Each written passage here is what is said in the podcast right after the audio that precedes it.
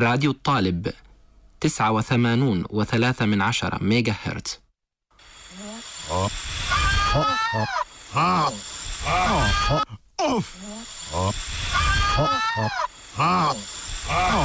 أوف سايد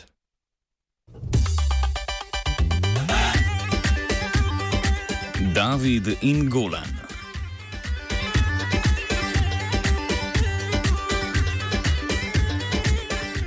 Sledeč zapisu Donalda Trumpa na Twitterju, da je čas za priznanje izraelske suverenosti nad Golansko planoto, je na obisku v Izraelu to podporil tudi zunani minister Mike Pompeo. Vlada predsednika Donalda Trumpa je še pred temi izjavami v letnem poročilu o človekovih pravicah, ki je bilo objavljeno prejšnji teden na mesto izraza okupirano ozemlje Golanske planote, prvič uporabila izraz izraelsko ozemlje Golanske planote. Izrael je dve tretjini planote zauzel v šestdnevni vojni leta 1967. Med ozemlji pod nadzorom Sirije in Izraela so Združeni narodi, podobno kot na Cipru, vzpostavili tamponsko varnostno območje. Zunanje ministrstvo Izraela je za ponedeljek v sklopu obiska Benjamina Netanjahuja napovedalo tudi uraden podpis deklaracije o priznanju suverenosti Izraela nad ozemljem, a se zaradi nenadnega skrajšanja obiska zaradi raketnega napada na Tel Aviv ta še ni zgodila. Na okupiranem ozemlju, z katerega je takoj po vojni zbežala večina skoraj 140 tisoč arabskih prebivalcev planote, sedaj živi etnična manjšina druzev in judovski naseljenci. O zgodovini zasedbe Golanske planote Primoš Šterbenc, strokovnjak za Bližnji vzhod in predavatelj na fakulteti za menedžment Univerze na Primorskem. Sirska država je Golansko planoto dobila po prvi svetovni vojni oziroma potem, ko se je začelo oblikovati uh, torej neka, ko je Francija začela oblikovati sirsko državo, kot obstaja sedanjih meja, ko ni več obstajala velika Sirija. Sirija je potem dobila neodvisno, vsaj formalno od Francije leta 1943, de jure, de facto 1946 in vrš ta čas bila Golanska planota del Sirije. Torej, to je ozemljsko gledano del Sirije. Do bistvene spremembe pride med uh, najpomembnejšo arabsko-izraelsko vojno, se pravi med tako imenovano junijsko oziroma šestdnevno vojno med 5. in 10. junijem 1967 ko je Izrael v zadnjih dveh dneh vojne, torej 9. in 10. junija, zlomil upor sirske vojske, ki se je sicer prvi dan 9. junija kar dobro držala. Ne pozabimo, da takrat je bila sirska vojska že pod poveljstvom torej aravitskih voditeljev Sirije, torej manjšine, ki je v Siriji prevzela oblast leta 1963, kamor je spadal tudi oče sedanjega predsednika Hafisa al-Assada. Toda, toda dan pozneje se je potem začetnem dobrem uporu sirske vojske, sirski odpor zlomil in Izrael je zauzel Golansko planoto. Torej, gledano z vidika mednarodnega prava je situacija povsem jasna. Torej, gre za to, da je Golanska planota del arabskih okupiranih ozemelj. Po njegovem mnenju Izrael krši določila mednarodnega prava. Četrta ženevska konvencija, ki ureja torej, uh, primere okupacij v svojem členu 47, pravi, da tudi če okupacijska sila okupira del ali celotno okupirano ozemlje, to nikakor ne spremeni statusa tega ozemlja oziroma da je aneksija pravzaprav nasprotjo z mednarodnim pravom. Tako da imamo pravzaprav vse od leta 81 oziroma 67 upravka z okupiranim ozemljem.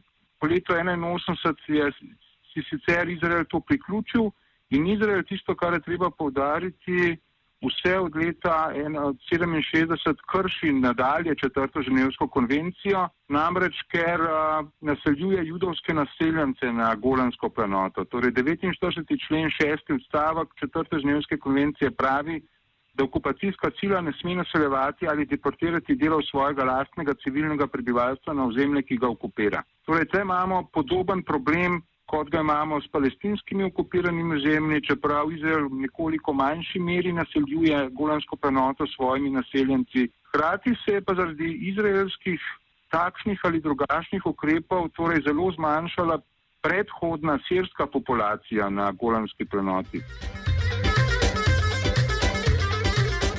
Okupacijo in izraelske politike na golanski plenoti so obsodili tudi Združeni narodi. To kupico resolucij Varnostnega sveta in Generalne skupščine Organizacije Združenih narodov, ki govorijo o tem, da je naseljevanje judovskih naseljencev na okupiranih ozemljih oziroma na arabskih okupiranih ozemljih, kjer je posem jasno, da v to dikcijo spada tudi Golanska planota, torej velika uvera k reševanju bližnjega vzhodnega konflikta oziroma da gre za kršitev mednarodnega prava. Res pa je, da nimamo sodbe meddržavnega sodišča, ki bi posem jasno torej potrdila, da gre za primer, ki spada po četrto žensko konvencijo oziroma da gre za izraelsko okupacijo. Kot jo imamo v primeru palestinskih okupiranih ozemelj strani meddržavnega sodišča iz leta 2004.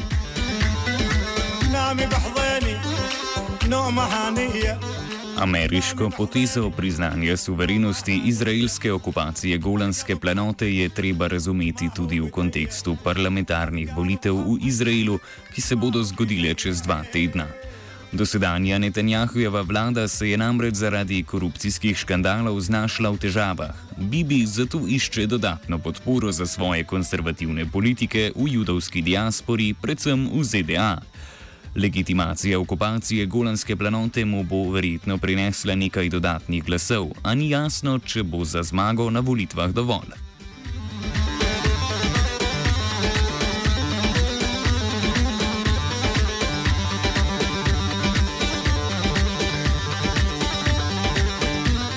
Vprašanje Golanske planote v primerjavi s palestinsko situacijo tudi v muslimanskih državah nima enoznačnega odgovora v razlikah štrebenc. Najprej treba reči, da Palestina ima poseben status v arabski oziroma muslimanski zavesti. Uh, Palestina, er, ki izvira še iz kolonialnega obdobja, torej v času britanskega mandata, je Velika Britanija dopustila nastanje judovske paradržave, ki je pozneje nastala država.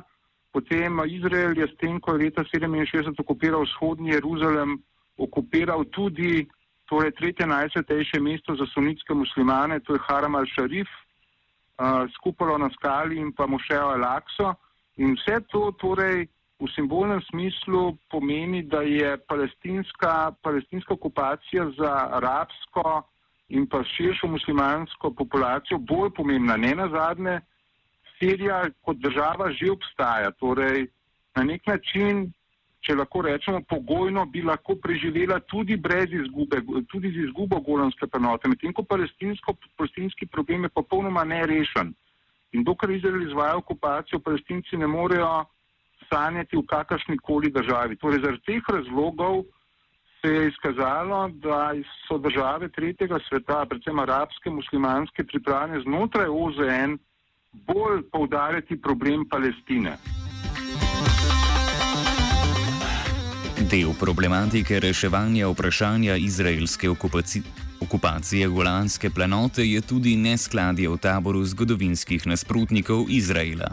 Znotraj arabskega tabora torej obstaja, uh, obstaja več, veliko več delitev glede problema Golanske planote kot glede Palestine. Torej, arabci se v načelu vsi strinjali in, muslima, in muslimani, da je palestinsko vprašanje pomembno, da morajo palestinci dobiti državo.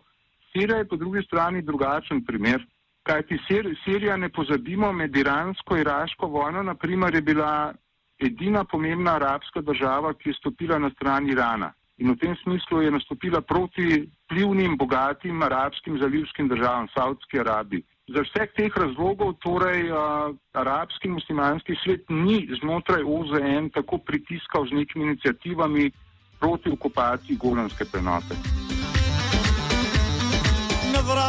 Te zgodovinske konflikte paralelno spodbuja konflikt med sunitskimi in šiitskimi muslimanskimi državami oziroma geostrateški spor med Iranom in Saudovo Arabijo. In v zadnjem času, seveda, vse, vse od leta 2003 je pravzaprav vsa saudska politika v veliki meri naravnana proti iransko. Vse, kar delajo Saudici, je tako ali drugače ima namen oslabiti Iran. Zato, po mojem mnenju, ne moremo pričakovati, da bi zalivske države zelo iskreno ali pa zelo deklarativno obsodile to, to torej dejanje Trumpove administracije, podobno kot zalivske države tudi Trumpovega, Trumpove razglasitve, da bo Jeruzalem priznal kot glavno mesto Izraela in preselil veleposlaništvo ZDA, niso obsodile, ostale so tiho. Kaj ti ne pozabimo, da vsaj od leta 2015 poteka predvsej prikrito, vendar pa vendarle jasno, strateško, uh, varnostno, obveščevalno in diplomatsko sodelovanje med Izraelom na eni strani in pa Saudsko Arabijo in pa Združenimi arabskimi emirati na drugi strani. Najmočnejši skupni imenovalec pa je seveda torej nasprotovanje Iranu. Torej, po mojem mnenju, ni mogoče pričakovati, da bi ta, da bi ta poteza Trumpove administracije združevala poenotila arabski tabor oziroma vs muslimanski tabor, ampak je ta, ta iransko-saudska oziroma švitsko-sunitska ločnica močnejša. Sirska državljanska vojna je preusmerila večji del pozornosti vlade Bašarja al-Assada, zato problematika golanske planote ni bila v spredju. Ob končevanju konflikta in stabilizaciji letega lahko pričakujemo, da se bodo pritiski na Izrael znova povečali. Izraelska vojska je sicer aktivno sodelovala v državljanski vojni z letalskimi napadi na vladne položaje in pripadnike libanonskega gibanja Hezbola. Treba vedeti, da ko da je Izrael rušil pravzaprav vse čas režim Bašara al-Assada, zaradi tega, ker je hotel uslabiti tako imenovano os odpora. Namreč sirska vojna, najmanj, najmanj, znan, najmanj znana dimenzija sirske vojne je bila vojna med Izraelom na eni strani in pa tako imenovano osjo odpora na drugi strani, ki jo tvorijo Iran, sirski režim, Hezbollah, torej libanonsko-švitsko gibanje in pa Hamas. In seveda Izrael je rušil Bašare Rasada, da bi zrušil strateški most med Iranom in Hezbollahom. Ni ga zrušil, nasprotno, Iran je še utrdil svojo prisotnost v Siriji in s tem se je utrdila ta os odpora. Sedaj Izrael že nekaj časa, torej precej, lahko rečem, histerično povdarja v mednarodni skupnosti, da ga hoče ta Iran uničiti, da se pozicionira za angolanske prenote in tako naprej, vendarle pa je to spet neka retorika. Jaz mislim, da ta os odpora na čelu z Iranom, pa potem sirskim režimom, hoče doseči, da bi se Izrael umaknil iz okupirane golanske prenote da to je tisto, kar je cilj te vsi odpora.